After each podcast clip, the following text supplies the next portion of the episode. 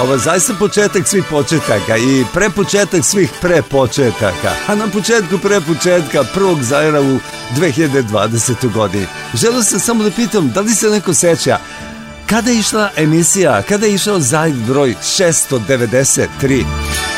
Teško da će neko moći da odgovori. E, ali da nemam arhiva emisije ne bih ni ja znao. Ovako kada sam prelistao i vratio se unazad, video sam da je to bilo u januaru mesecu 2014. A šta sam tada poželeo na početku emisije? Doslovce ono što sam poželeo i pet godina ranije, dakle 2009. Recimo rekao sam pet godina ranije u odnosu 2014. dakle 2009. da bi lepo bilo da 2009. ne bude krizna, nego da bude klizna. Da ono što se začelo u prethodnoj otkriže u 2009. godinu. Recimo da se IPTV odomaći u Srbiji, a ne samo nekim beogradskim ulicama. Da VoIP postane rutinska alternativa fiksnom telefonskom monopolu. Da IT oprema nakon što je poskupela za 30%, pojeftini za 60% da SSD diskovi zažive na tržištu i siđu ispod cene luksuznog laptopa i da se Beotel radio do kraja učvrsti u web prostoru. To su bile moje male i prizemne IT želje od tada. A može mogla i poezija tada što da ne. Eto, i jedno i drugo i treće, video i od smeha crko. Sebi želim puno sreće, makar u novoj ko Srbija puko a strana ličnost godine u 2014. u kojoj se započeo 693. emisiju i zašto? Steve Jobs, jedan od osnivača Apple-a, to je čovjek koji je ostao na nogama nakon što je izbačen iz vlastite kompanije, a u znak zahvalnosti za taj gest istu tu kompaniju je probudio iz kliničke smrti kada se u nju vratio. Patentirao je niz najvažnijih medijskih igračaka novog milenijuma, a one su pokrenule ostatak sveta da bez problema odšeta u legendu, pomogla mu je smrt prvi dan oktobra 2011. Tako je to bilo na početku Zaira 693 iz januara meseca 2014. A danas, novih šest godina kasnije, u januaru mesecu, u prvom januarskom Zairu 2020. Mogu da kažem sledeće, da su godine i dalje više krize nego klizne, ali da se IPTV od domaći odavno, da je VIP odavno rutinska alternativa fiksnom telefonskom monopolu, što se IT opreme tiče, ona je takva kakva je, mislim na njene cene. SSD diskovi odavno su zamenili one rotirajuće uglavnom i u većini mašina, a da Beltel radio koji sam iz svog doma negovao puni šest godina od 2007. do 2013. nije mogao da se učvrsti u web prostoru. Ukinut je na samom kraju leta 2013. Bilo je tu dosta razloga, ali o tome na i dalje živoj Facebook stranici Beotel radija možete pročitati. Što se ostali stvari, što se poslije stvari tiče, stihovi i dalje važe a glase da jedno i drugo i treće video od smeha crko, sebi želim puno sreće, makar u novoj godini ko Srbija puko. Stihovi nikad aktuelniji. Dobrodošli u 2020. zajedno sa zakonom akcije i reakcije.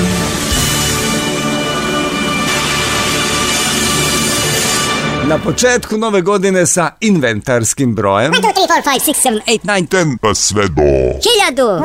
To jest 1000 plus 2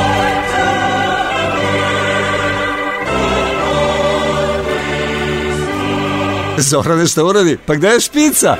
Prvi put da emisija ide bez uvodne špice a možemo jednom i taj ustupak da učinimo samima sebi. Danas nema špice, ali mogu da vam kažem da su u našoj emisiji očekuju Ivan Traković, Miodrag Kuzmanović, Rade Santrač, Voja Gašić, Đule Van Gogh, Željko Stefanović, mislim na jedan sasvim posredan način u obliku ljudi koje je Zair uvek voleo da ima u svom okruženju, a vidjet ćete i zašto. Imaćemo i digitalni detoks koji je u trendu eksperte za narednu deceniju koji najavljuju veštačku inteligenciju na ljudskom nivou inteligencije, Apple koji razvija svemirski internet, još malo o električnim avionima, najtraženje pojma je na Wikipediji u 2019. naučnike koji predviđaju potpun prelazak na čistu energiju do 2050. godine. Nema dovoljno kamera za telefone. Novi Samsung Galaxy telefon može će se zvati S20. Stižu električni super automobili. Tesla, kuća budućnosti, štiti od nuklearnih napada. Tesla, opet, počinja isporuku automobila napravljenih u Kini. Vaš telefon zna gde ste bili. Wikipedia pobedila cenzuru u Turskoj. Uh, uh, uh, ah, ah, ah. Toliko je toga u današnjem zajeru.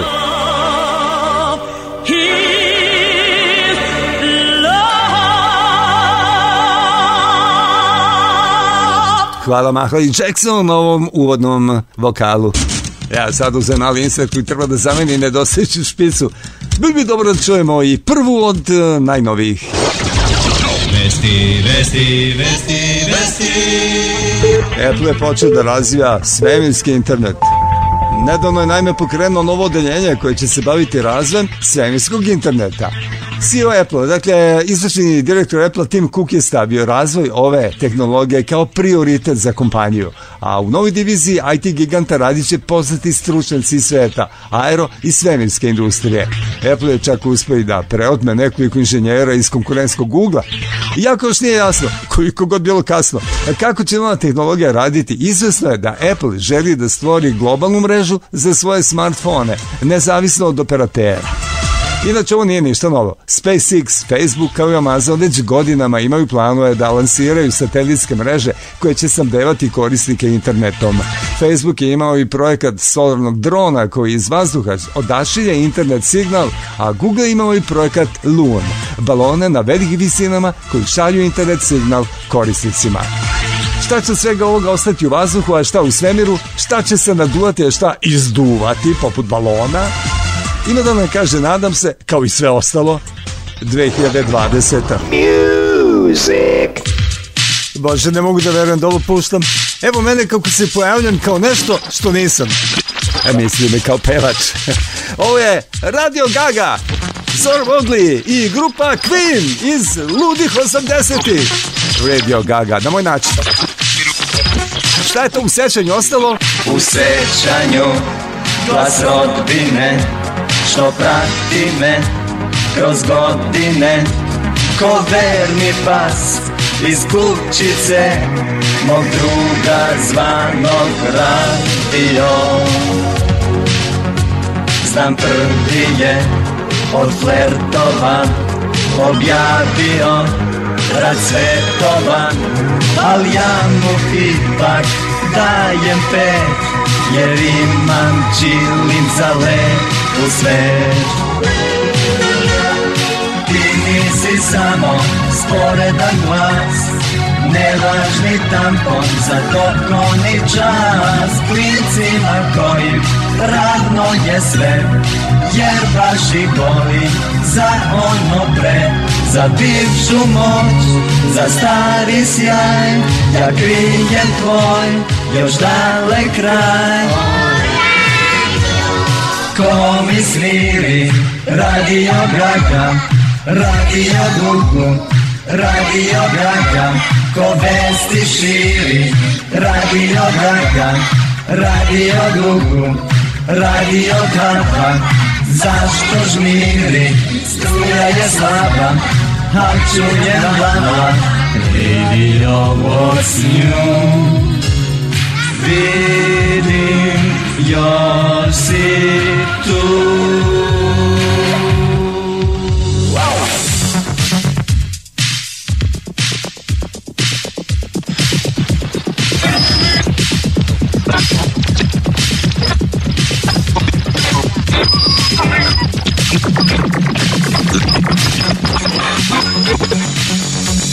Oprosti mi dok gledam film na videu. Sad rastem s njim, no željan sam još novosti iz lampi tvoje prošlosti.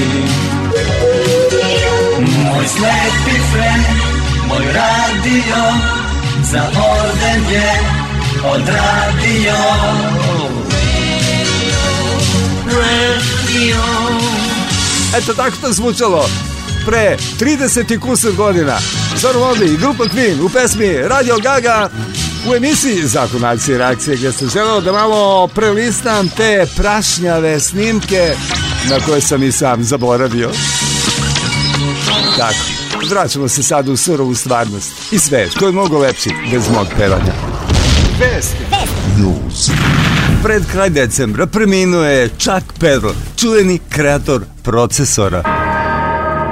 Chuck Peddle, jedan od najznačajnijih inženjera rane faze PC računara, poslet je najpoznatije u stvari kao vodeći dizajner za 6502 pristupačni procesor MOS Technology. Samo 25 dolara je koštao 1975. godine koji je pronašao svoj put u prvom talasu kućnih računara poput Apple 2 i Commodore 5, ne kao 5 redni broj, nego kao 5 ljubimac.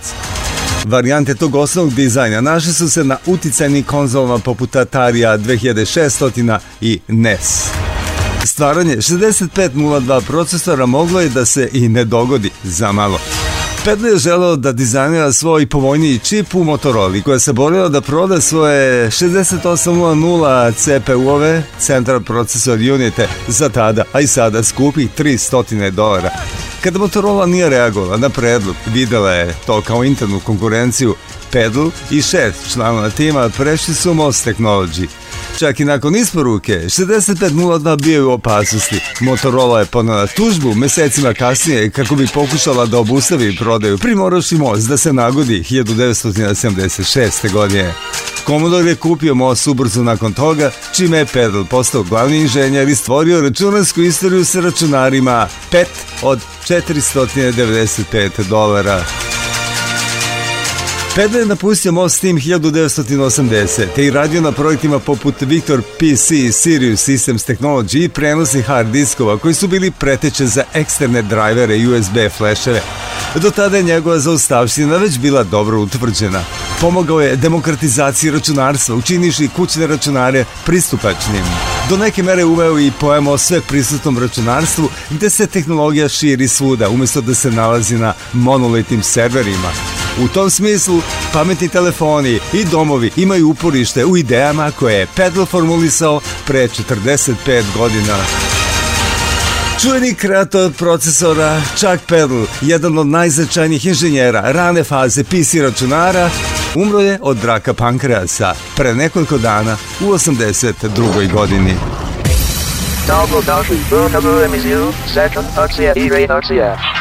Ivan Trajković kaže da društvene mreže veruju političkim partijama na reč. A moglo bi to malo čine i napismeno. A protekli godina se puno pisalo i debatovalo o uticaju društvenih mreža na politički život i izborne kampanje. I dalje mnogi zagovaraju tezu da je američki predsjednik Donald Trump pobedio na izborima 2016. godine uz pomoć broni botova i lažih naloga.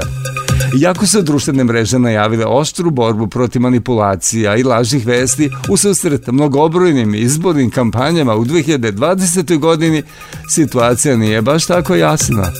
Naime, Facebook je zvanično saopštio da će proveravati strane, strane ili stranke, Ivane, koje postavljaju i plaćaju političke oglase, ali neće proveravati i sam sadržaj oglasa, jer pokušava da bude neutralan.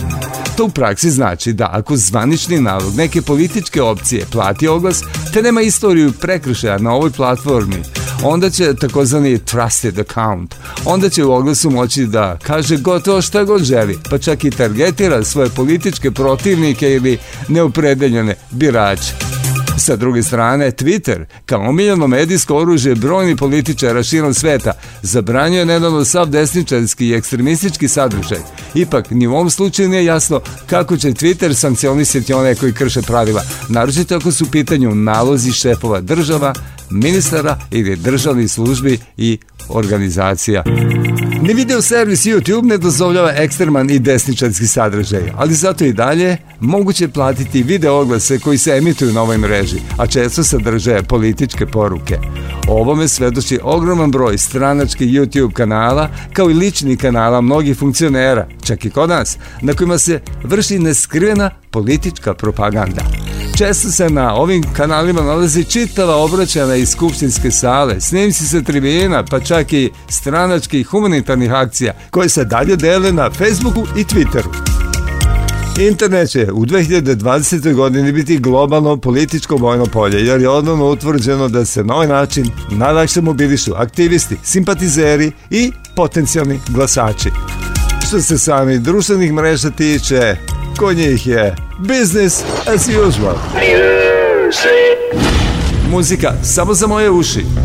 Najljepše pesme koji su se ikada vrtale u Zairu.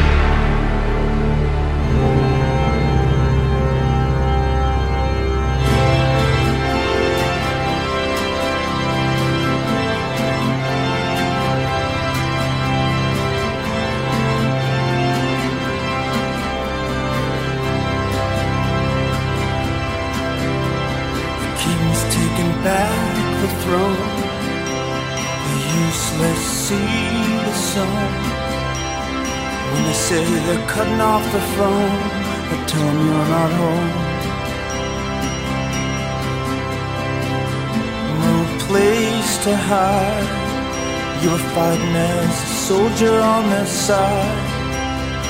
You're still a soldier in your mind, though nothing's on the line. You say it's money that we need As if we're only mouths to feed I know no matter what you say There's some debts you'll never pay Working for the church while your family dies You take what they give you and you keep it inside Every spark of friendship and love will die without a home. Hear the soldier groan, glad it alone.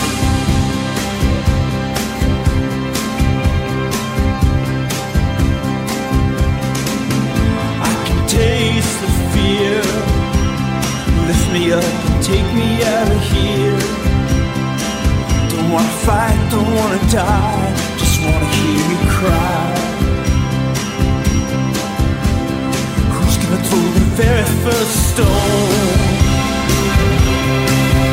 Oh, who's gonna reset the bone? Walking with your head in a sling, wanna hear the soldiers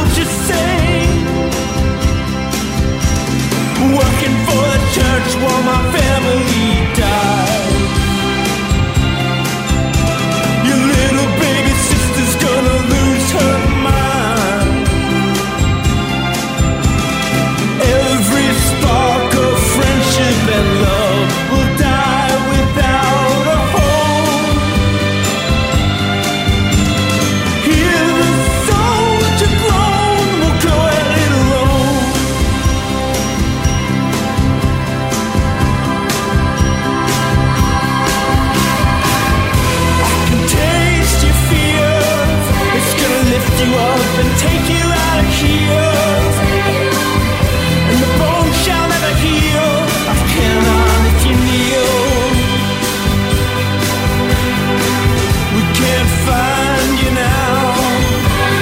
Say to get their money back somehow.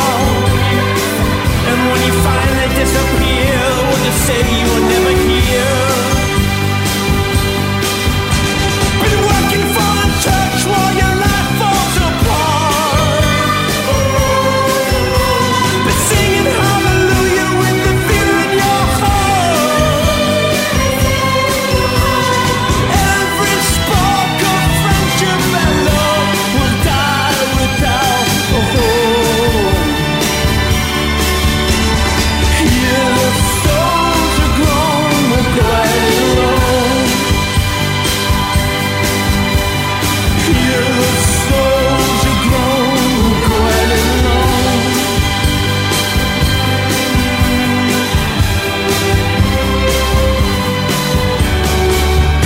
Vi slušate.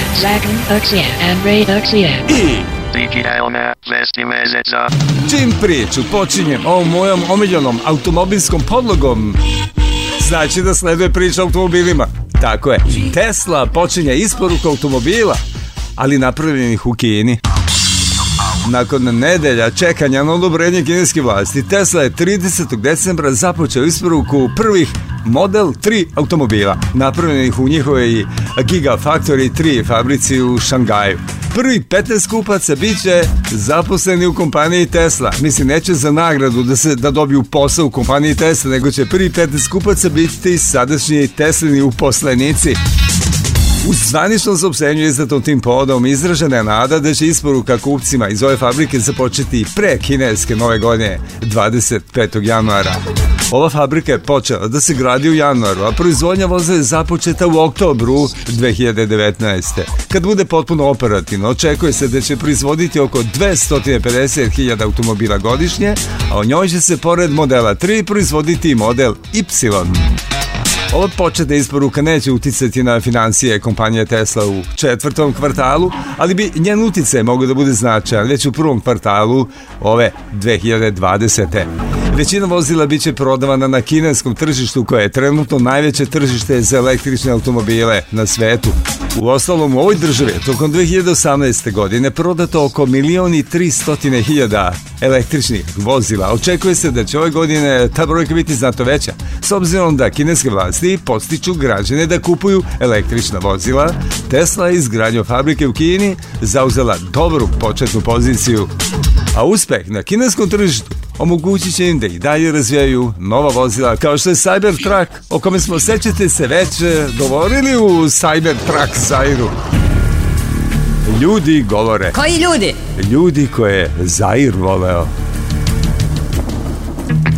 Jedno od imena iz našeg IT sveta sa stranica naše IT štampe je Voja Gašić. Dakle, jedno od onih imena koje volim da čitam. Čovjek koji je izuzetno duhovit, koji puno zna i koji to već dugo radi.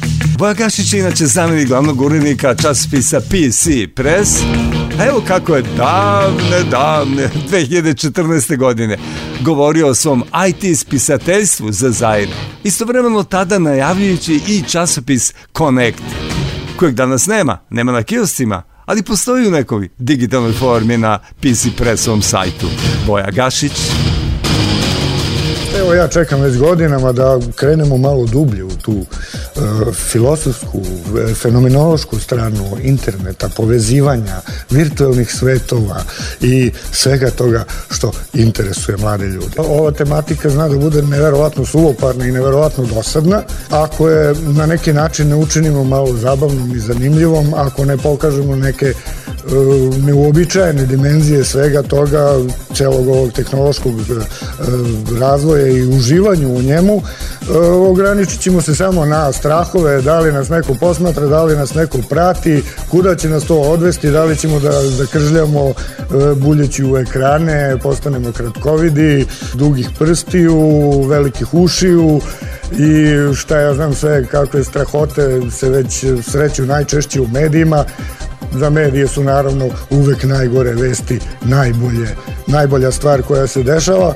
A, a ovo da kažemo neko konstruktivno izveštavanje ili konstruktivna kritika zapravo nikad nije bila popularna i nikad joj se nije ni pridavao neki veliki značaj. Ako se ne varam čak George Bernard Shaw je izjavio da kritika zapravo mora da bude destruktivna da je konstruktivna kritika e, zapravo vid korupcije. Ja ne mogu na, protiv sebe uprkos tome što, što je to ljigavo. Uh, ja sam zaista istinski oduševljen tehnologijom, ja uživam u njoj, volim da je upotrebljavam u svakodnevnom životu, uh, volim svaku novost koja se pojavi i možda to oduševljenje nekako probija u, iz onoga što pišem i, i iz mojih stavova, pa je to na neki način neobičan stav u ovoj u poplavi destruktivnih kritika. Evo, popularno dosta u poslednje vreme, dosta se pominje, dosta se pojavljuje u medijima, čito jedna kategorija, nova kategorija ljudi koja nije postojala do, do pre par godina sigurno, e, i zove se naučni komunikator. E, I sada je to, vidim, dosta veliki događaj, održavaju se čak i takmičenja ko će bolje iskomunicirati predstavljajući uh, bavljenje naukom. Naravno, tu su oni koji se zaista bave naukom malo potisnuti, kao i ovde što si lepo pomenuo, oni koji se zaista bave telekomunikacijama, računarima, gadgetima, novim tehnologijama. Puno ne, znaju, ali nemaju, nemaju često priliku da pričaju o tom svom radu, a opet ja čak i kad bih umeo i hteo da se bavim nekim dubljim naučnim radom na tim poljima, prosto nemam vremena u pisanju. Mada mi se svidela veoma jedna rečenica koju je nedavno izgovorio Dušan Petričić, karikaturista, koji kaže ovaj, lepo je puno znati, ali još lepše je znati kako to znanje upotrebiti. Ti često ljudima predlažeš kako da se ponešto od onoga čemu si ih podučio i upotrebi. E, najpre da se podsjetimo da je januar jedan ovako prilično uh, mršav mesec kad su u pitanju značajni događaji. I novčano vrlo turovno. Izu, izu, jeste, dugo traje, nikako da se završi. Izuzev CES-a, naravno, na kome se predstavlja sve ono što će u toku godine biti aktualno, međutim, to još uvek nije na našim stolovima, nije u, u našim prodavnicama. Samo možemo ovako iz daleka da gledamo i uh, ja moram da napomenem da tek sledeći konekt, znači martovski ovaj koji upravo završavamo, donosi veliki, veliki uh, pregled sa CES-a to je čak na nekih 20 strana, tu ima i računara i tableta i telefona, ali i e, car connectivity gadgeta, znači ono što, što e, već sada možemo videti u novim automobilima ili ono što ćemo tek videti u sledećim generacijama automobila, evo svi uveliko najavljuju ove samohode, znači automobile koji će sami upravljati i koji će vozaču ostaviti dosta vremena i prostora da se bavi nečim sasvim drugim dok auto sam pronalazi najbrži i najkraći put. Govorio je IT novinar, IT spisatelj, kako god želite, Voja Gašić o IT spisateljstvu i konekciji sa Konektom. 2014. godine u zakonu akcije i reakcije najljepše pesme koje su se ikada vrtele u Zairu. Po meni. Oh.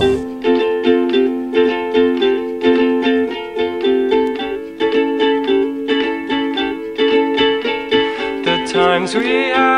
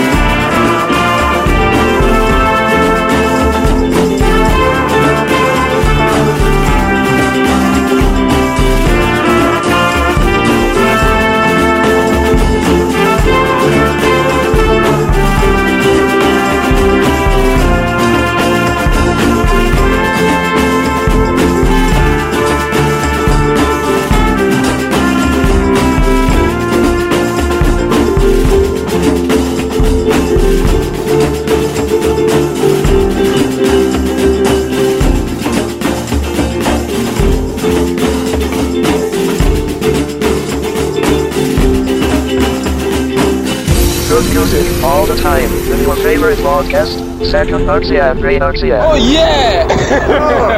Hvala. Novo, vesti, IT News. Tesla pravi mnogo toga, električne automobile, isto tako avione, pravi baterije za njih, da ne nabrajam dalje, ali pravi i kuće. A kako izgleda Tesla kuća? Tesla kuća budućnosti je kuća koja treba da štiti od nuklearnih napada i ima lift za Teslin Cybertruck. Ljudi, spremajmo se za najgore. Skloništa za slučaj apokalipse postaju sve popularnija, pa se trendu pridružuje novi projekat koji donosi planove za cyber kuću koja je inspirisana kompanijom Tesla. Cyber House je dizajnirana da štiti od nuklearnih pretnji, a u svom sklopu ima i lift koji je napravljen specijalno za Cybertruck. Radi se o projektu koji je osmislila grupa ruskih arhitekata u okviru agencije Modern House, inspirisan upravo Cybertruckom. Planuje se, to je onaj kamionet Teslin, električni kamionet. Planuje se još uvijek nalazi samo na papiru, a eksperti koji za njih stoje objašnjavaju da se radi o konstrukciji koja je, baš kao i posljednje Tesla vozilo, dizajnirana za život u post-apokalipsi. Cyberhouse je zapravo luksuzni bunker na više nivoa, a zidovi su napravljeni od ojačenih betonskih blokova i čelika, pa korišćeni materijali smanjuju uticaj spoljašnjih faktora. U centru građine nalazi se atrium sa liftom za Cybertruck, a kuća meri 300 kvadratnih metara i planirano je da se u nju smesti šestero do sedmoro ljudi. Početna cena je 865.000 dolara, u šta je uključena samo osnovna konfiguracija. Vidite i sami koliko se sve i u svetu i kod nas zaoštrilo po sistemu svaki svoga, ubijite Subašu, s tim što je apsolutno svako od nas možda baš taj Subaša. Opšta makljaža. Dakle, spasavaj se ko može, ali pitanje je kako i gde. Kao što vidite, kompanija Tesla ima rešenje, ali problem je u tome što što nije za svaki džep i što je totalno bez veze. Kuće, ti šta ćete posle opšteg atomskog rata kad ste nadrljali i vi i budale koje su ga izazvale? Nemate kudni, nemate gde. Čak ono što se nekada govorilo da u slučaju rata bežite avionima jata kad ni jat više ne postoji. A Air Srbija se ni sa čim ne rimuje. Budućnost. Back to future. Za sledeću deceniju eksperti najavljuju aj, dakle, veštačku inteligenciju na ljudskom nivou inteligencije.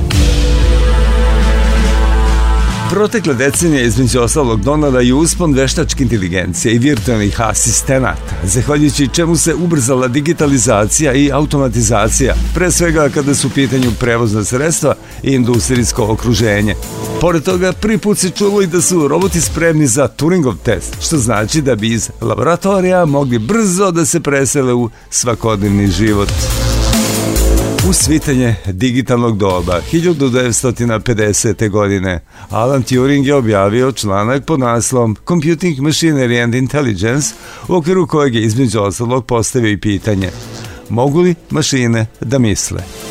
Umesto da precizno definiše pojmove mašina i mišljenje, Turing je ponudio nekoliko načina na koji bi moglo da se odgovori na ovo pitanje, a inspiracija naša u viktorijanskoj igri imitacija. Pravila igre su nalagala da muškarac i žena koji su se nalazili u različitim prostorijama sa sudijom komuniciraju preko pisanih poruka, a sudija trebalo da preko rukopisa pogodi čija je koja poruka. Te zadatak dodatno komplikovan time što je muškom igraču naloženo da imitira ženski rukopis. Inspirisanom igrom Turing je razvio eksperiment u kojem je jedan od ljudskih igrača zamenjen kompjuterom. U slučaju kada bi mašina uspela da prevari sudiju, te da ovaj ne zna koji je igrač ljudski, a koji mehanički, mašina bi se smatrala inteligentnom. Eksperiment je postao poznat kao Turingov test, te se danas smatra jednom od najpoznatijih ideja u AI svetu. 70 godina kasnije, mašine su već postale vozači, umetnici, asistenti u doktorskim ordinacijama, pa čak i prijatelji. A sa novim privilegijama došle su i nove opasnosti, što se najbolje vidi kroz saobraćene nesreće sa smrtnim ishodima, za koji su odgovorni autonomni automobili. U narednoj deceniji bi ovo mogu da postane još osjetljiviji problem, a programiranje veštačke inteligencije je moralno pitanje. Najviše zbog toga što bi pravni status mašina koji bi dostigli nivo ljudske inteligencije morao da bude regulisan. U prethodne decenije su loše programirani algoritmi dovodili do rasističkih ispada kod mašina i do smrtnih slučajeva tokom različitih incidenata, pa se očekuje da se u proces uključi i etika, te moralna psihologija, a kako mašina ne bi pravile slične greške i tako se udaljile od dobre predstave o čoveku. I eto, kaže Milan Živanović, šta eksperti najavljuju za sledeću deceniju? Aj, dakle, artificial intelligence na ljudskom nivou inteligencije. Milane, ljudi, šta mi da radimo? Ne preostajemo ništa drugo nego da pokušamo da maksimalno sačuvamo vlastitu. Jel može neki šlag? Muzika samo za moje uši. Najljepše pesme koji su se ikada vrtale u Zairu.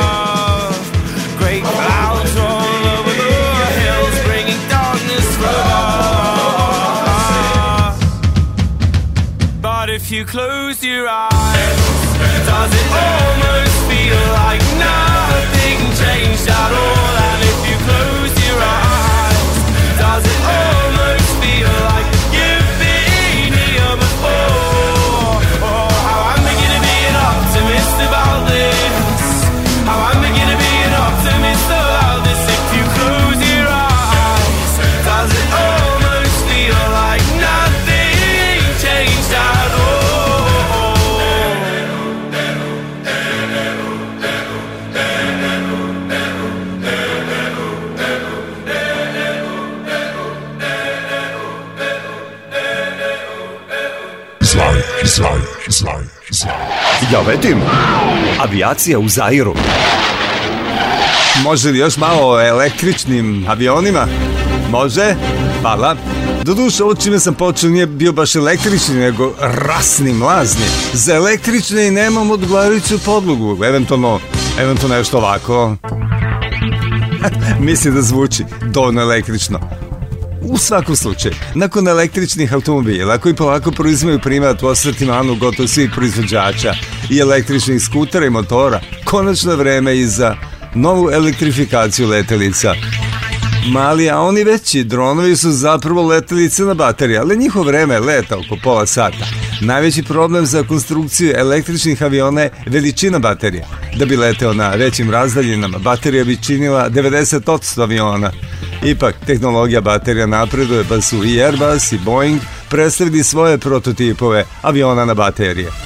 Uber do 2035. planira leteće taksije, a Rolls-Royce je predstavio prototip električnog aviona koji doseže brzinu od 480 km na čas.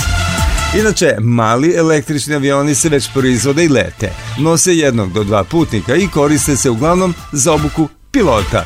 Još ako je pilotu letenje samo vikend hobi, a u stvari je po zanimanju električar, to je, to onda pobeda od 5-0. Koliko naši igraju futbolsku utakmicu u gostima.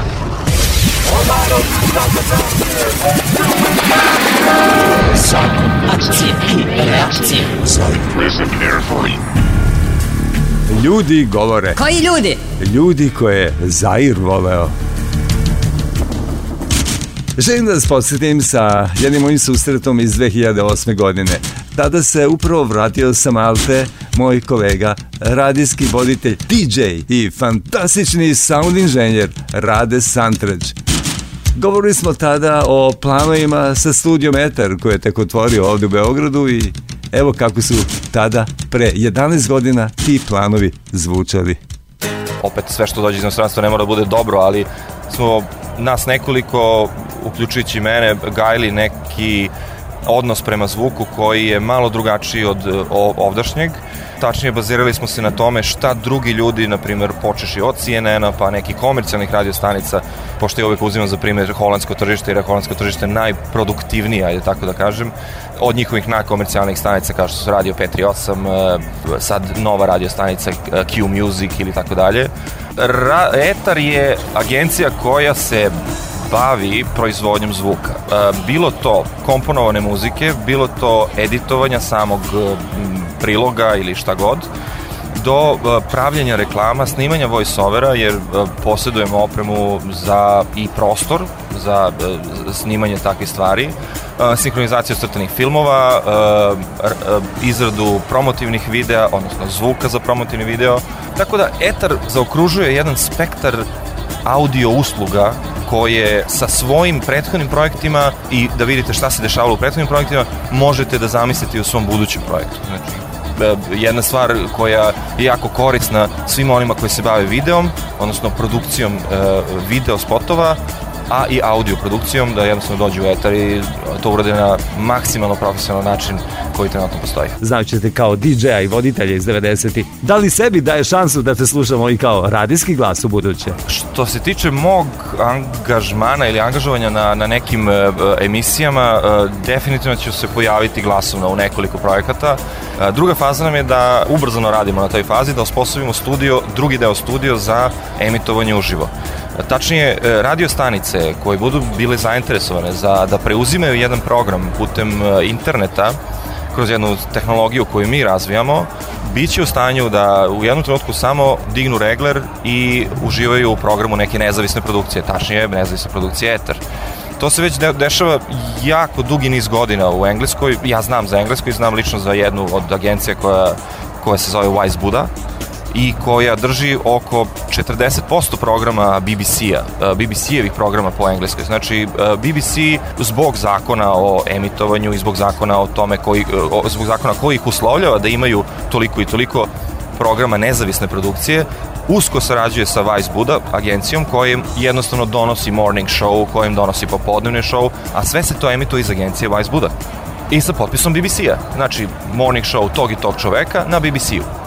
Tako da ćemo mi taj format i taj, uh, taj mehanizam preneti na područje Srbije i mislim da je to jako interesantno za, za, za sve one koji kao što sam na početku razgovora pomenuo, bi želi da rade u radiju, odnosno na radiju, a ne bi želi da budu zaposleni na radiju. Što naravno daje širok e, opseg ideja i e, angažovanja i svega toga. Od svih stvari koje si ranije radio, ja imam sačuvan jedan džingl, u stvari jedan a, promo spot, putem kojeg si na netu nudio svoje usluge potencijalnim klijentima dok si živeo na Malti. Pošto sam ga sačuvao, evo da ga na kraju i emitujemo. A tebi zaista puno hvala i ostani sa obe strane mikrofona. Hvala Zoki, Už, neverovatno mi je drago što smo se sreli ponovo i što ćemo sarađivati u godinama koje dolaze. Ajde da budem poetičan.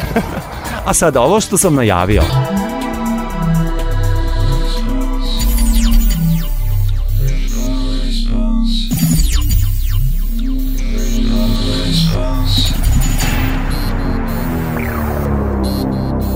Yeah, I think that's the main thing that I'm searching for. A right response. So, this is the basic reason why I'm using sound design. In order to create a response from people, from clients. Outstanding sound design. Don't hesitate to ask because, you know, everything is possible.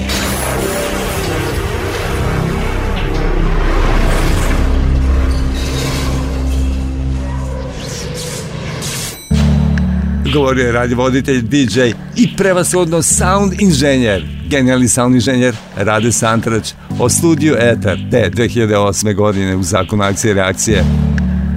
Danas studio Eter postoji manji delom fizički, a većim delom u sećanjima. Ali to je već drugi deo ili neka druga priča. Poslednja velika stvar koju je Santrač uradio, a da ja to znam, bila je kompletna zvučna galanterija za Radio Beograd 2 A ja samo mogu da se zapitam zbog čega sve ono što je i dobro i lepo mora da traje tako kratko i da ispari negde u etru. Great music for a great city. Najljepše pesme iz 20 zairskih godina. Se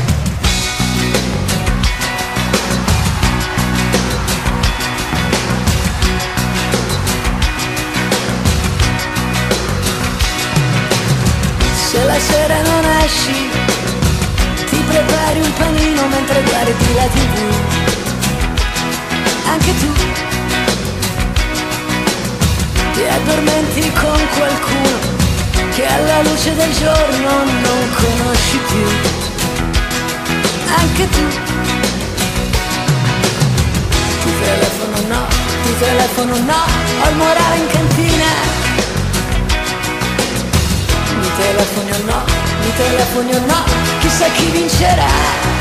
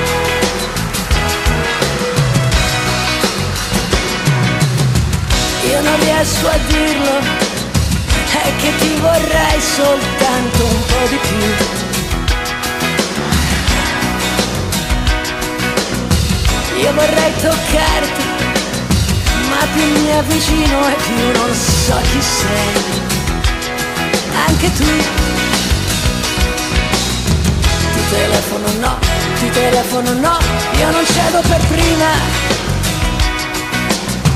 Mi telefoni o no, mi telefoni o no, chissà chi vincerà.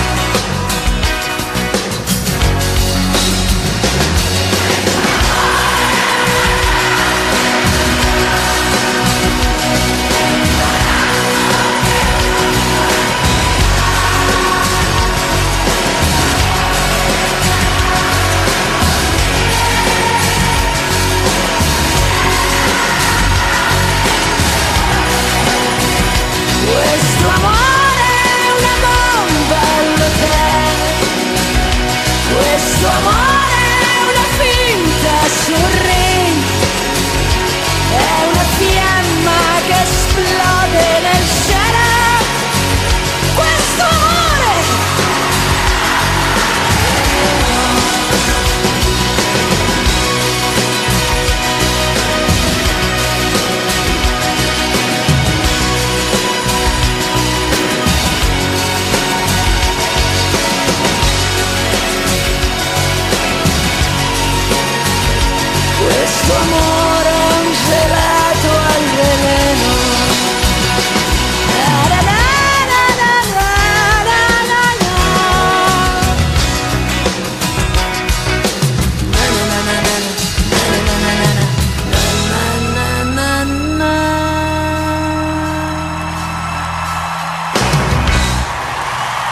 Nema odmora dok traje obnova, pa zato budite spremni i za DVD.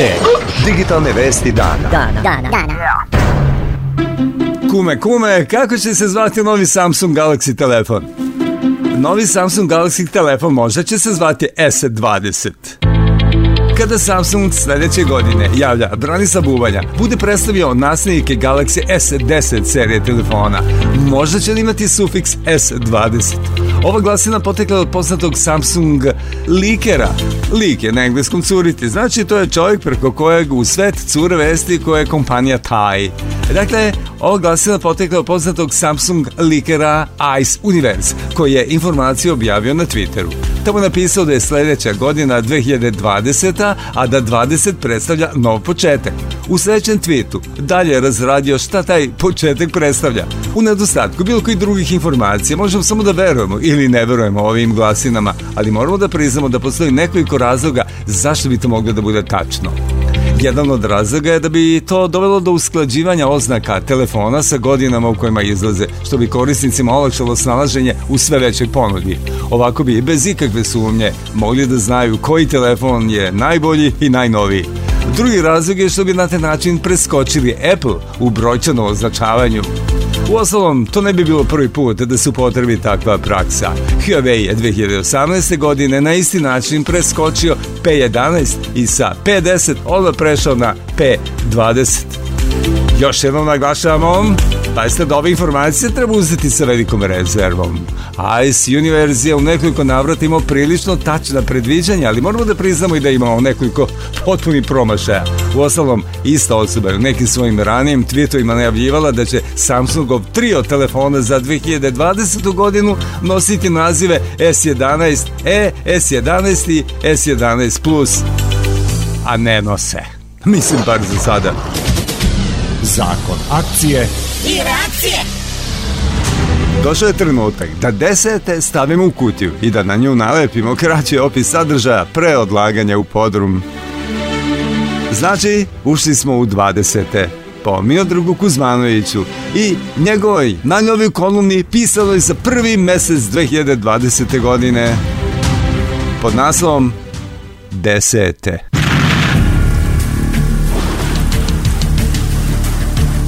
U ovoj pričici o protekloj deceniji ostavit ću po strani raspravu o tome kad je počela i kad se završava, jer je u pitanju jedno od glupljih razvlačenja prazne slame po internetu. Da, jedna frakcija smarača insistira da je dekada počela 2011. a ne 2010. Obliviozna na činjenicu da bilo kojih random spojenih 10 godina možeš nazvati dekadom ili bilo koju reč koja ti zvuči dobro iskoristiti kao pridev primetba autora. Intraplanetarni standardizovani konsenzus stvoren da bi svakog jutra bilo svežeg bureka jogurta kaže da je to 2010. Te tu poziciju zastupa i redakcija Sveta kompjutera za koju Miodrag Kuzmanović i piše, i uređuje, i radi još to šta, već godinama. Ono što je takođe standard jeste ljudska sklonost rekapitulacijama, podvlačenju crte i mentalnom pakovanju i klasifikovanju stvari. E, Došao je dakle trenutak da desete stavimo u kutiju i da na nju nalepimo kraći opis sadržaja pre odlaganja u podrum. Pa da to i učinim, kaže Kuzma. Ako bih morao da izdvojim jedan trend koji obeležio desete, to bi bila činjenica da ništa više ne umire na klasičan, permanentan način. Čak ni jeleni u senci divlje kestena ne umiru zauvek. Uvek dođu nove generacije, trgovačke škole, preko puta moje redakcije koja dekrepitne opuse bosanskih zabavnjaka održava u životu kao što sveže jetre i hemija revitalizuju Soroša. Ovo je bila decenija bez definitivnih odgovora, decenija sa mnogo početaka, ali bez ijednog vidljivog kraja. Ovo važi za sve sfere bitisanja, od sociologije do tehnologije, od kozmetike do gaming kulture. Na svetu ima dovoljno ljudi da svaka obskurna stvar koja ima svoju publiku može na neki način da bude rentabilna. Još uvijek postoje ljudi koji žvaću duvan, a neće nestati ni ludaka koji turistički obilaze aktivne vulkane. Nisu skiknuli čak ni Android tableti, a kamoli desktop PC u ulozi igračke mašine.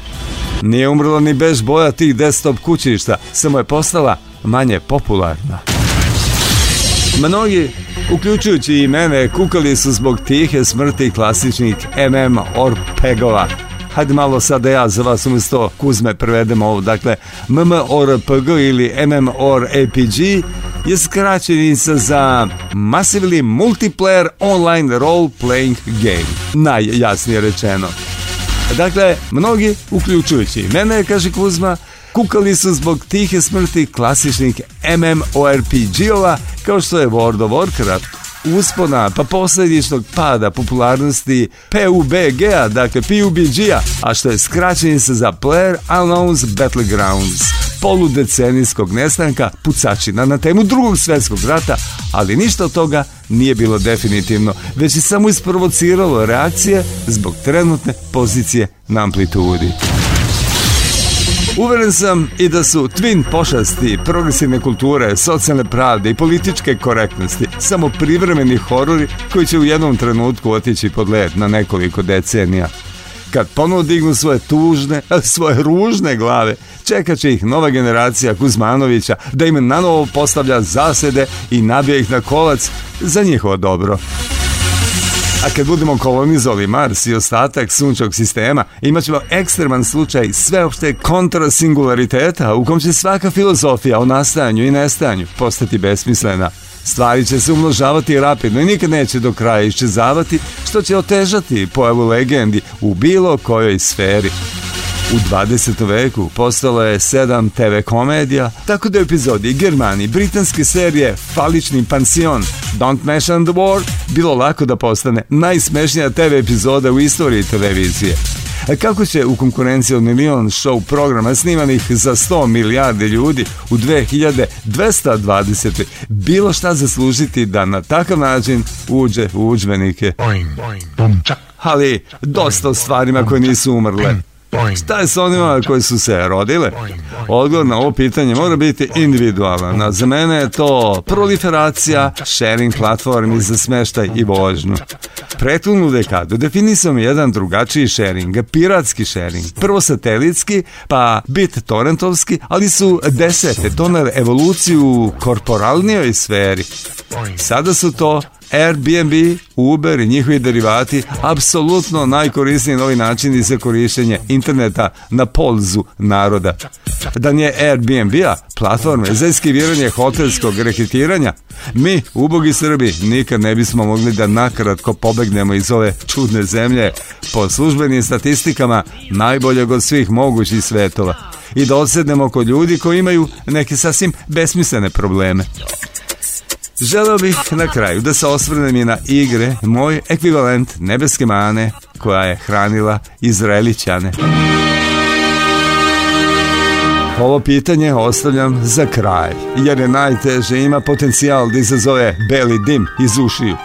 Kako u masi savršenstava kao što su The Witcher 3, Dark Souls, Crusader Kings 2, Fallout, New Vegas, Stellarisi, Total War, Shogun 2, izdvojiti jednu igru u kojoj se može zalepiti etiketa šampiona decenije. Šta je s igrama koje sam zaboravio da pomenem? Sa nezavisnim biserima kao što su The Flame in the Flood ili Soma. Kako doneti ovako tešku odluku, a izbeći da tvoj ukus nekom drugom zazvuči snagom ravnozemljaške dogme? Šalim se s vama, jer nemam dileme po tom pitanju. Igra decenije za mene je FTL. Ako delite ovo mišljenje, smatrate da sam vam poslao osmeh i laki šeširni naklon. Miodrako Zvanić Kuzma u svojoj prvoj ovodecenijskoj zabelešci kolumni pod naslovom Desete ispisanoj ne samo za čitaoce sveta kompjutera prvog u 2020.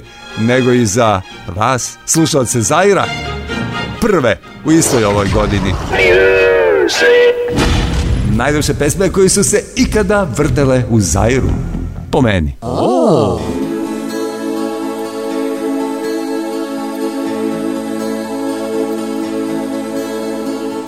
Sally called and she got the word.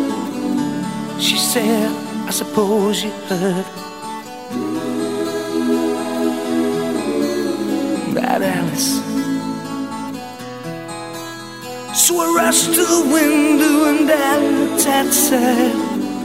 And I could hardly believe my eyes. As a big limousine pulled slowly into Alice's drive.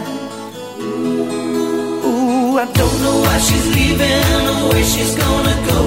I guess she's got her reasons, but I just don't wanna know. Cause for 24 years I've been living next door to Alice. Alice, oh that fucking Alice.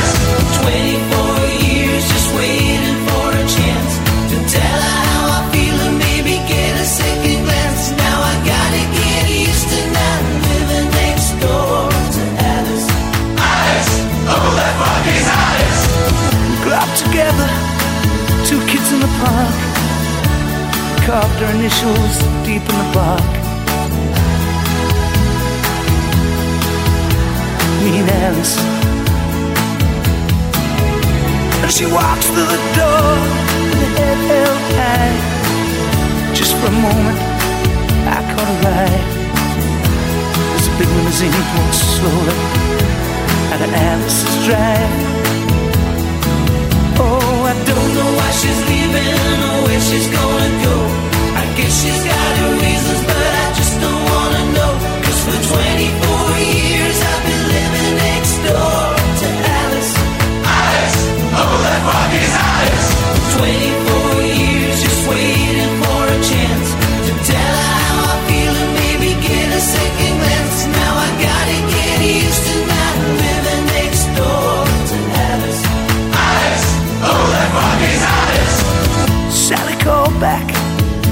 how I felt.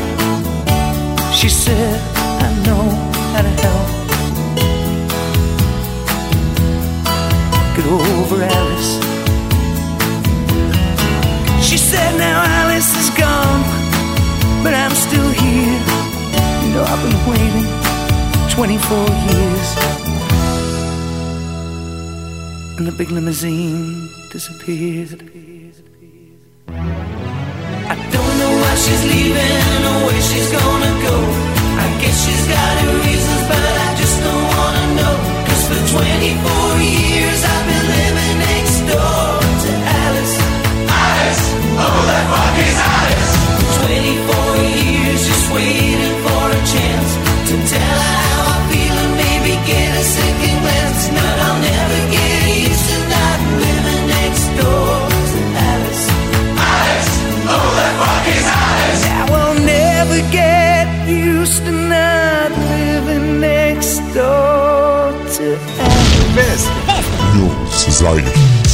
Potpun prelazak na čistu energiju naučnici predviđaju do 2050. godine, javlja Milan Živanović.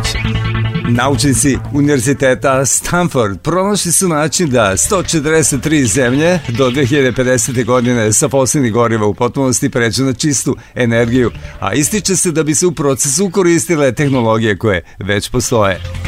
Ovim činom bi se napravio veliki korak ka sprečavanju ozbiljnih klimatskih promjena koje bi mogli da imaju katastrofalne posljedice. Plan projekta objavljen je u magazinu One Earth, a radi se o novoj verziji jednog ranijeg projekta iza kojeg stoji isti naučni tim, a razlika ide u tome što je njim bilo obuhvaćeno manje zemalja. Novi projekat naravno zahtjeva i veća novčana ulaganja od koji bi deo bio usmeren i ka razvoju novih tehnologija, poput onih koji bi čistu energiju uključile i u međunarodni transport putnika, koji se smatra jednim od najvećih uzroka za povećanje zagađenosti planete. Ekspertski tim tvrdi da bi se sva ulaganja isplatila 7 godina nakon pokretanja projekta i da bi se u procesu otvorilo nekoliko miliona novih radnih mesta. Tu su i oni koji potpuni prelazak na čistu energiju do 2050. smatraju nemogući. Ali Stanford tim veruje da bi proces mogao da se završi mnogo pre toga, budući da se još 2009. došlo do zaključka da će 100% prelazak na čistu energiju ekonomski i tehnološki biti moguć već 2030. Eto razlike između optimiste i pesimiste, između Stanforda i svih ostalih. Ljudi govore. Koji ljudi? Ljudi koje je Zair voleo.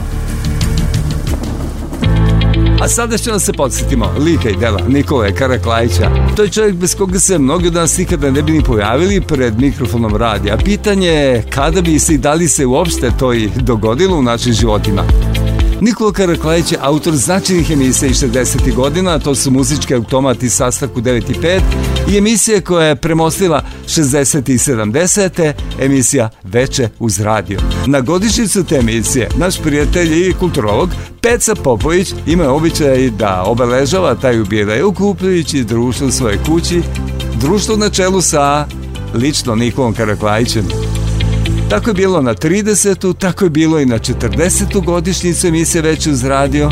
Posle toga više nije bilo, jer Nikola Karaklajić je samo mesec dana nakon našeg posljednjeg zajedničkog okupljanja napustio ovu planetu.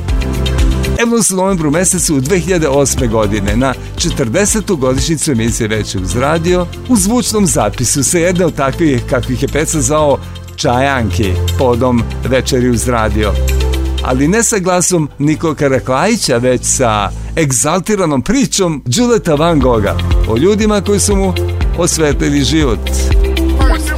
A šta i Đule treba da dođe? a? Evo sad je javio se, malo Ja pre se. Đule javio telefonom i rekao je da li, došao je iza Tine malo pre i pita šta radite, kao mi se skupili, kaže, "E, smem da dođem na minut, ako ovdje slobodno.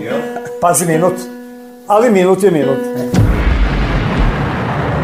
Ja sam uzbuđen zaista, ovo je, Ne, ovo je jedno emotivno kolo u koje sam se uh, uvrzo, uvatio, dopleo još pre mnogo godina. Ušao si džabe, ali moraš da platiš. da- Evo, sad sa tobom razgovaram i ti si bio prvi čovjek koji je pustio single grupe Van Gogh, Tragovi prošlosti u svom ventilatoru 202.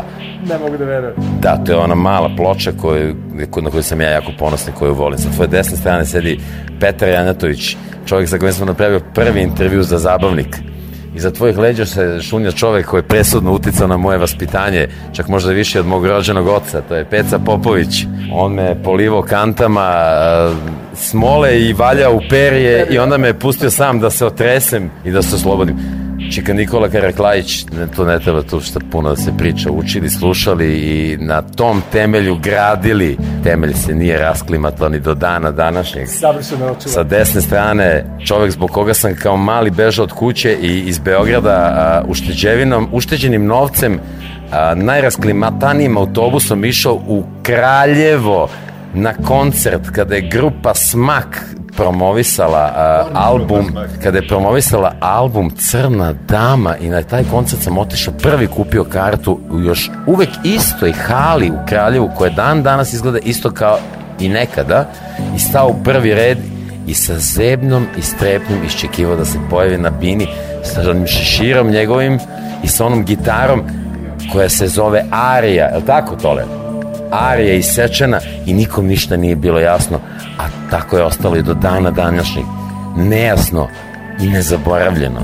Sećam se, sad sam rekao, gospođici uh, Sofiji koja fantastično svira gitaru uh, nemo, to je, to je gen to je gen, to ne može tako uh, da sam kada se snimao album Crna dama svaki dan posle škole stajao ispod prozora studija 5 kod hotela Excelsior gde su bili otvoreni prozori i gde se na najjače slušala matrica da i usnimavao album Crna dama. A, naravno kasnije, mnogo 1986. godine sam nakon prvog singla ja ušao u taj studio i snimio svoj prvi album.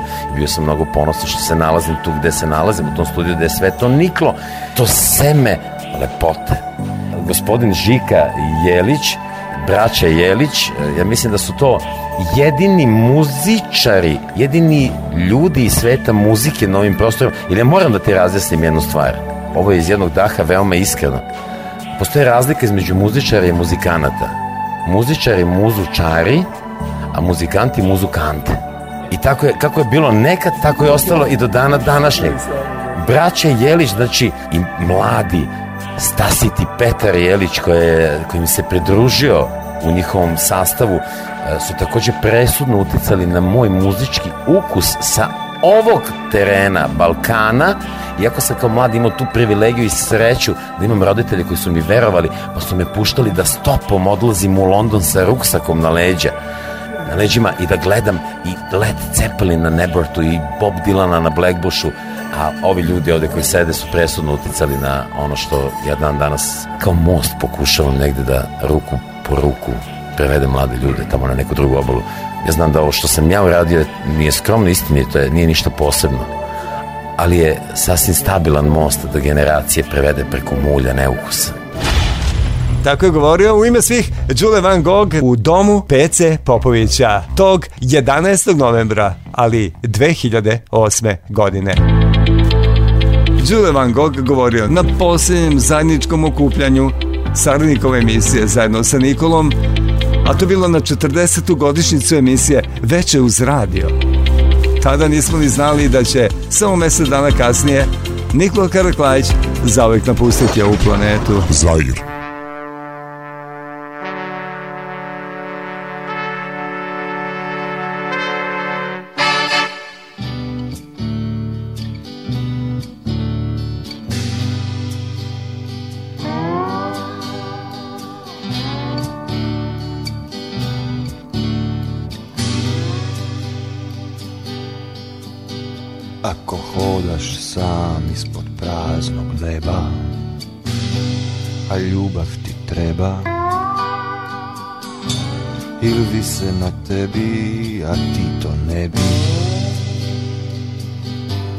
Sretan jer si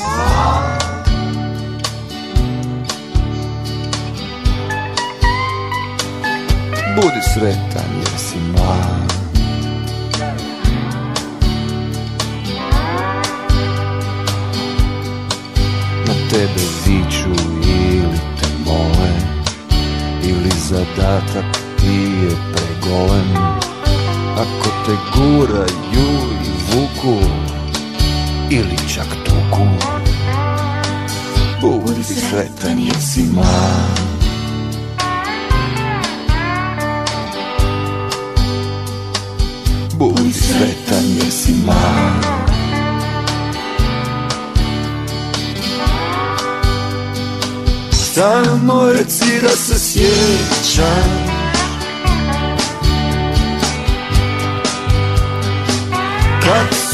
stabla bila veća.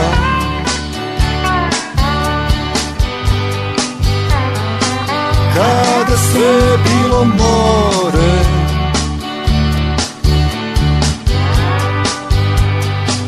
Onog časa kad si stvoren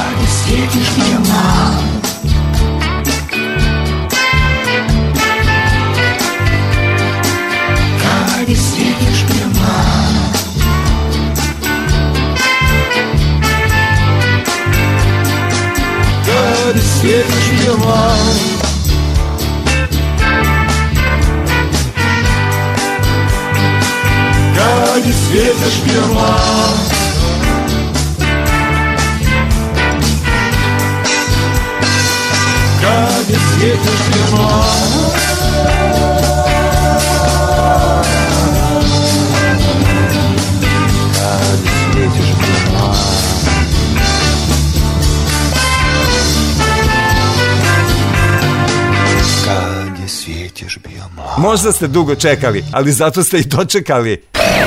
Veoma brze vesti. Zakon. Akcije i reakcije. Opet malo pogađalica iz 2019. godine. Znate li koji su najtraženiji pojmovi na Wikipediji u 2019. godini? Ovo je teško pitanje. Kraj godine mnoge društvene mreže koriste stvarno da sumiraju aktivnosti korisnika u prethodnoj godini. Statistike očigledno nešto bez čega ničiji život ne možemo da zamislimo. E pa, ni najveća internet enciklopedija Wikipedia nije izuzetak. Pa su tako predstavili najtraženije pojmove. Na prvom mjestu su klimatske promene, kao i aktivistkinja Greta Thunberg. Također posjetioci su tražili i pojmove vezane za franšizu Star Wars, kao i mega popularni film The Joker. Pretraživana i britanska kraljevska porodica, kao i konflikti u Siriji i Jemenu. Od muzičara najpretraživaniji su bili i grupa The Queen, kao i mlada svetska zvezda Billie Eilish. Toliko za sada od Wikipedije. Veoma brze vesti.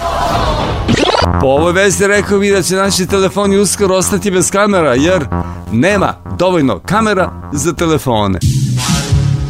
Novi modeli smartfona imaju po dve, tri, pa i četiri kamere.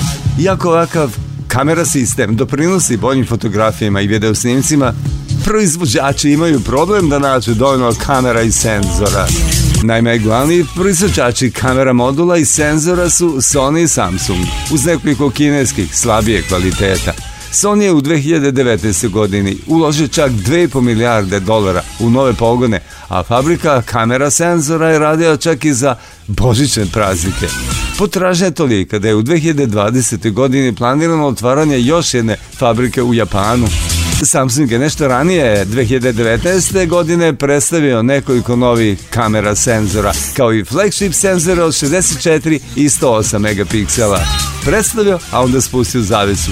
Sada čekamo da se digne zavesa na ovoj pozornici tržišta kamera, pa da vidimo hoće li ih ili stvarno neće li biti dovoljno ove godine. I ko će imati čas da ugradi one koje valjaju. Veoma brze vesti. Opet automobili. Već duži niz godina čitamo o dolazećoj generaciji električnih superautomobila. Električni automobili su do sada imali problema sa pregrevanjem prilikom duže vožnje velikom brzinom, a i kočnice nisu bile na visini zadatka. Međutim, nova generacija hibrida i potpuno električnih hiperautomobila rešila je sve te nedostatke. Novi Aspar O ima performanse koje su do sad bile nezamislive za automobile sa tradicionalnim motorom. Ubrzava od 0 do 100 km za 1,7 sekundi, a za 10 sekundi je preko 200 km na čas. Električni motori zajedno imaju čak 1985 konskih snaga. Ovo će se sklapati u fabrici Mat u Torinu. Ukupno se planira 50 primjeraka po cijeni od oko 2,5 miliona evra. I kako vidim, bit će to automobil za kosmonaute. Ovoliko ubrzanje, pa to ne može da vas ne zalipi za sedište i nambura opterećenja od bar jedno 6 do 7G. I drugi proizvođači planiraju slične automobile. Pininfarina Batista imaće slične performanse kao i OU, a tu je konkurencija iz našeg komšiluka Rimac C2 iz komšinske Hrvatske. Veoma brze vesti. Ljudi, pa vaš telefon sve zna, zna čak i gde ste bili. Kao ne znate, pa to znamo svi da zna, ali imamo, da kaže, prošireni deo informacije. Ovako, Smartfoni znaju vašu tačnu lokaciju, kao i vaše svakodnevne navike, čak i ako isključite deljenje lokacije na uređaju. List New York Times je došao do ogromne javne baze podataka sa pingovima, a ping je informacija o lokaciji popularno zvana kao čekiranje, odnosno provera. Skoro 12 miliona građana Sjednih američkih država. Uz pomoć ove javne baze uspeli su da rekonstruišu kretanje i navike policajaca, javnih službenika, novinara, pa čak i nekoliko radnika Ministarstva odbrane SAD. Inače ne postoji federalni zakon protiv prikupljanja lokacijskih podataka. Korisnici novog iPhone 11 smartfona su primetili da telefon i dalje prikuplja informacije o lokaciji, čak i kada se ova opcija isključi, a aplikacijama zabrani pristup lokaciji. Iz Apple kažu, u pitanju je greška u firmwareu telefona. Greška, ali teška, na koju se korisnici mršte bez jednog smeška. And now, something completely new in your favorite broadcast, Second Oxy and Ray Oxia. Listen carefully. Rekli su o. Auf Wiedersehen, kaže Ivan Trajković. Auf Wiedersehen? Da nije malo Kleiner rano, Ivane? Znaš kad se ova emisija završava? A, čitaš pre neki dan neki članak? Dakle, to je prva rečenica novog priloga Ivana Trajkovića, koji se zove, kao što rekao prisutnima, Auf Wiedersehen. Čitam pre neki dan članak, kaže Ivan, čitam i ne verujem. Pa se opet vratio na tekst, rekao da nisam pogrešno pročitao. Nisam. Kaže tekst, trećina domaćinstva u Srbiji nema kanalizaciju. I to po podacima Zavoda za statistiku, onog državnog, to je 33%. Brojka nad kom treba da se zamisle lokalne samuprave, a boga mi i nadležna ministarstva, ako uspeju da se dogovore ko je nadležno. Ispod teksta o kanalizaciji, tekst koji kaže Merkelova otvara vrata za radnike sa Balkana. Naime, kaže gospođa da im fali preko milion i po radnika svih profila, kao i lekari, medicinske sestre, informatičari i tako dalje. Pa još planiraju i da donesu zakon po kome će od marta 2020. moći da se zapošljavaju ljudi sa Balkana, jer takvih radnika nema dovoljno u EU. Raspitan se malo ko poznanika u EU, a oni kažu, pa veliki broj ljudi u Srbiji čeka upravo taj zakon, spremaju papire, tamo aprila, maja, adios, čao, odoše kompletne porodice za Nemačku. Zatvori novine, pa se nešto mislim, da li ova kanalizacija ima neke veze sa ovim što odlaze? Možda ima, možda i nema, ko će ga znati. Auf Wiedersehen. Čitam ja ovaj Ivanov tekst, pa se nešto mislim, ima li to ikakve veze sa tematikom Zaira? Možda ima, možda i nema, ko će ga znati. A, uf, ajde da dodam i Fiderzen. Muzika samo za moje uši. Najlepše pesme koji su se ikada vrtale u Zairu.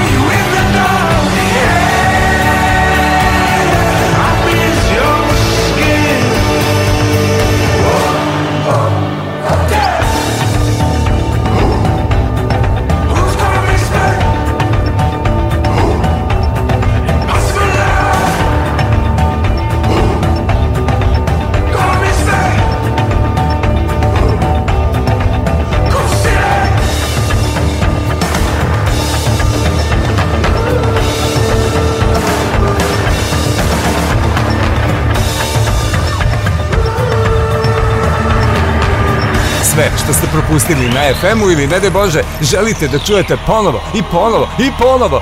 Već nakon ovog emitovanja bit će postavljeno na sajtu www.modli.rs. Tu premotovajte Zahir do mile volje, jer internet trpi sve, pa i mene. Vesti. News. Wikipedia pobedila cenzuru u Turskoj. Šta kažeš? Turska je pre dve godine, ako se sećate, zabranila, ne sećate se, zabranila Wikipediju. Nakon što je ova odbila da ukloni sadržaje koji zemlju dovode u vezu sa određenim terorističkim grupama. Odluka je preispitana 26. decembra, pa se tom prilikom došlo do zaključka da je ovaj tip cenzure ozbiljno ugrozio slobodu govora. Vrhovni sud Turske nakon toga naložio, pa ste Vrhovni sud Turske, naložio da se Wikipedia oslobodi, ali nije precizirao vremenski rok. Tako da građani još uvijek ne znaju kada će ponovo moći da pristupe online enciklopediji. Ova lokacija u Turskoj nije dostupna od aprila 2017. kada je vlada odlučila da iskoristi zakon koji joj dozvoljava blokiranje bilo kojeg sadržaja za koji se utvrdi da ugrožava nacionalnu bezbednost. Wikipedia ovoj zemlji od tada nedostupna, a svi pravni napori bili su uzaludni sve do 26. decembra. Nova presuda je pobeda kako za Wikipediju, tako i za građane u Turskoj, budući da se radi o činu koji predstavlja ozbiljan korak u borbi protiv cenzure. Bravo za Vrhovni sud Turske! Slušaj ovo i naše pravosuđe! Doduše, jedna dobijena bitka ne znači dobijeni rat, ali bolje dobijena nego izgubljena, zar ne? Oh, it was very exclusive. A sada? What's novo? Vesti IT News. Znajte, javlja internet ogledalo da je digitalni detoks u trendu. Svaki drugi korisnik planira da 2020. godine promeni svoje ponašanje na internetu.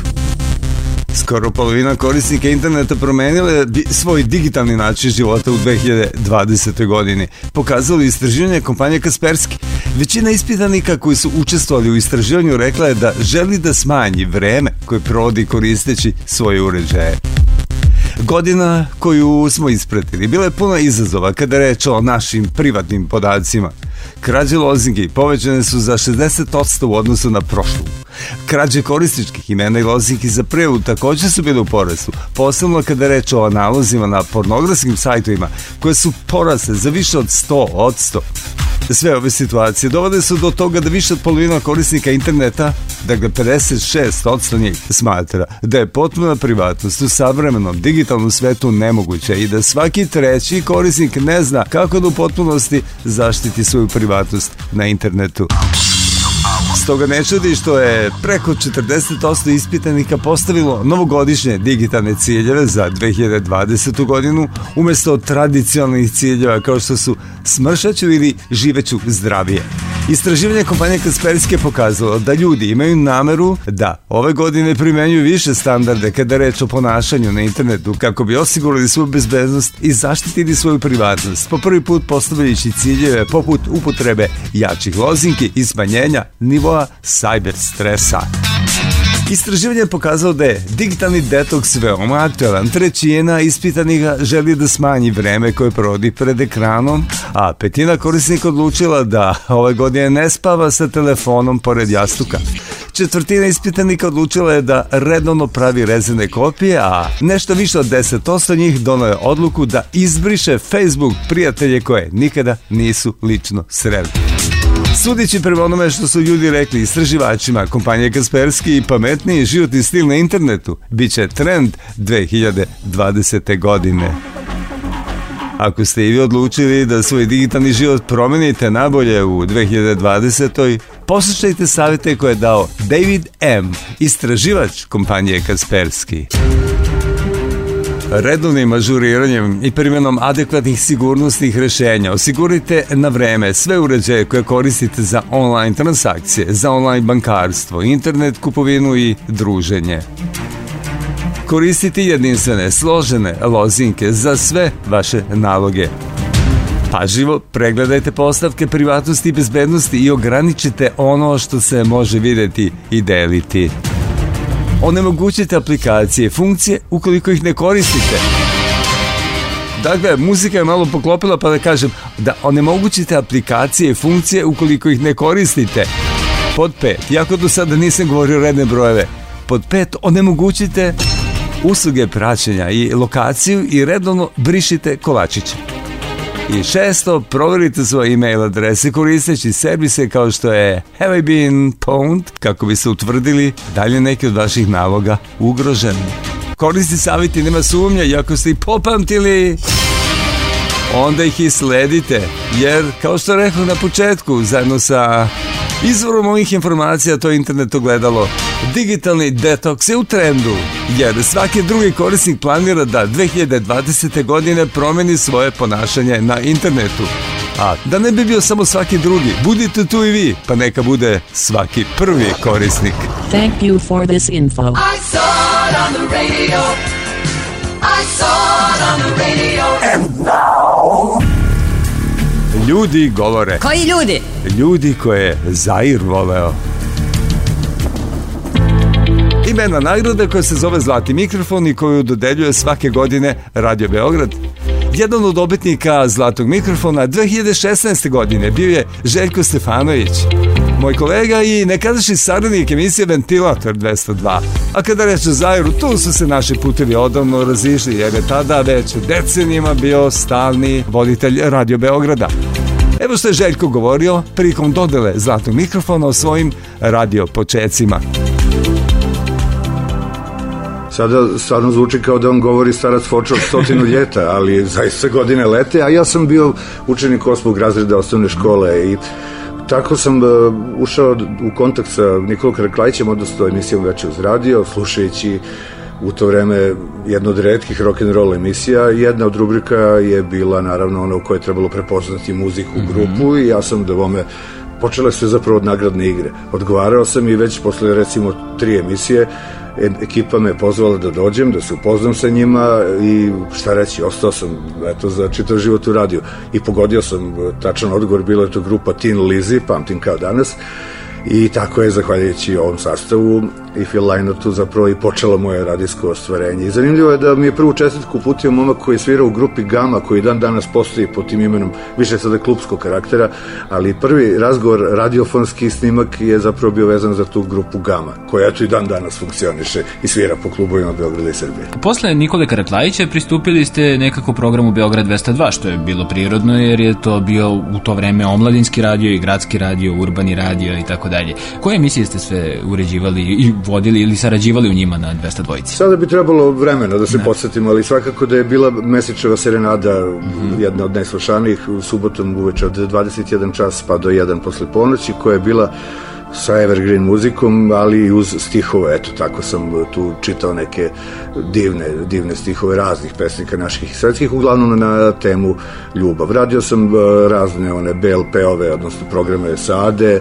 Sad više ne mogu se setim kako su se te emisije zvale, svakako Krug 202-kom, e, muzičke emisije i svakako jedan divan period mi je ostao ovaj urezan za, vezan za Vladu Džeta i za hit nedelje, gde sam ja radio hit na njegov izrečit zahtev, ali da pod uslovom da puštam isključivo balade koje su moj sektor. Oni su to tada zvali njanje, kaže, one Željkove njanje, malo kao spavanke, kao čekaj, moramo i toga da imamo na programu za one koji su sentimenti. Dakle, tu je bilo nekoliko lepih godina, ali mnogo važnije to što mi je Vlada Janković, koji je stari radijski vuk i muzički vuk, pružio podršku, to je mnogo značilo. No, ključna je saradnja sa Zoranom Modlijem u emisiji Ventilator i mislim da je to bio prelomni moment To je nešto božanstveno. Prvi put sam tu video da neko može tako da radi, da stoji trčkara, postavi stalak i da sam radi. Podsjetit će slušalce da je Zoran Modli imao i svoju leteću diskoteku, Kutijeći karavan, da je on bio popularan u to doba kao i Dadu Topić i Đorđe Marjanović, samo na drugi način, nosio svoje ploče, ali je ovdje Zoran radio to zaista majstralno u jednom malom džepnom studiju 6A u podrumu Radio Beograda, okupilo se i po 50 ljudi iz eh, različitih žanrova i otuda negde možda i moji prapočetci tog nekog mešanog kombinovanog programa koga mogu da slušaju svi sa različitim ukusima i afinitetima.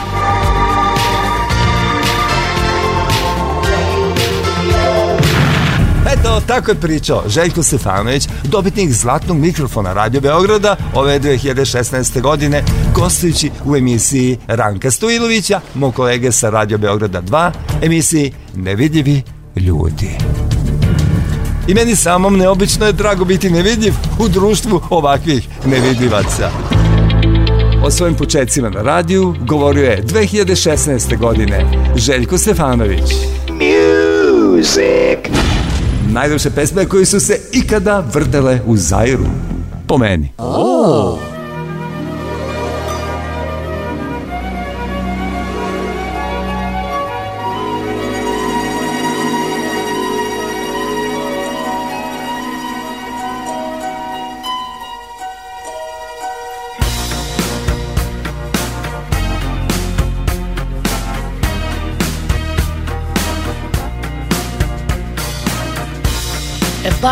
The sun way up there, I'd go with my love most everywhere. I'd be the moon when the sun goes down, just to let you know that I'm still around.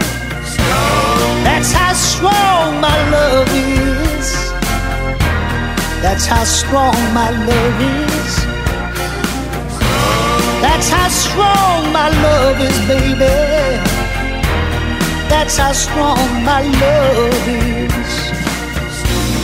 I'll be the weeping willow, drowning in my tears. You can go swimming when you're here. I'll be the rainbow when the sun is gone. Wrap you in my colors and keep you warm. That's how strong my love is, darling. That's how strong my love is. That's how strong my love is, baby. That's how strong my love is. I'll be the ocean, so deep and wide. I'll get out the tears whenever you cry.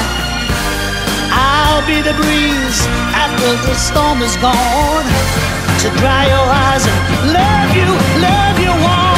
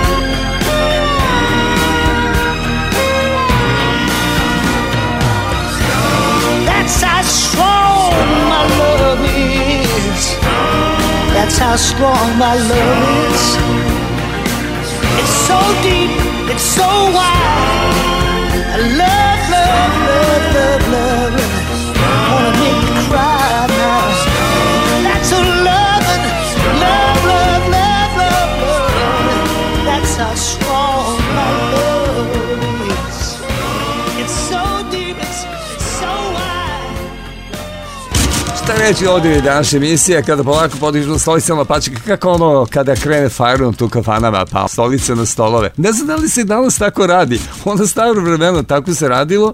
Konobar bi uredno brisali stolove, dizali stolice i to bio znak za fajron. Gosti bi uredno napustili ukoliko, ukoliko ih zemlja ne drži pa mora neko da ih predržava i napuštali ugostiteljski objekat. To sada radim ja. I podžižano pačke, ono što ste čuli i što više ne važi. A to su bili digitalni detoksi, eksperti za narednu decinu, čuveni kreatori procesora, električni avioni, Wikipedia, kamere za mobilne telefone, super automobili, Teslini automobili, Tesline kuće budućnosti, cenzura u Turskoj koja je položila oružje, mislim, samo jedno od, nekoliko ljudi koje je Zair uvek voleo i prilozi stalni saradnikove emisije kao i nekoliko priloga stalnog saradnika mene samog, dakle moj. A sad ovdje smo kod koji da se rastajemo za nedjev dana i da kažemo da i nije bilo tako loše provesti ovo vreme u zakonu akcije i reakcije s brojem... 1, 2, 3, 4, 5, 6, 7, 8, 9, 10, Pa sve do... Hiljadu! to jest 1000 plus 2. I love radio. E pa tako, lepo, ovo je bio još jedan zakon akcije i reakcije s kojim se putovali po high-tech prostranstvima. Ovu emisiju za vas su pripremili Adria, Daško, Daško i Ljubo, Ljubo, Krsto, Krsto, Blago, Blago, Božo, Božo, Andrin, Andrija, Filipu, Filip, Boško, Boško, Andrin. Hvala im od srca. Scenario Vjekoslav Afrić, kamera George Skrigin, producent Dino De Laurentiis, režija Alfred Hitchcock, proizvodnja Ponovi, te dobro čuo. A da, i u epizodnoj ulozi sitnog malog neuglednog čoveka kome je pobegao autobus, Zoran Modli. A ovaj autobus će na istoj ovoj stanici biti tek za nedelju dana. Srednja vrata, majstore, zatvaraj. This should help you remember everything.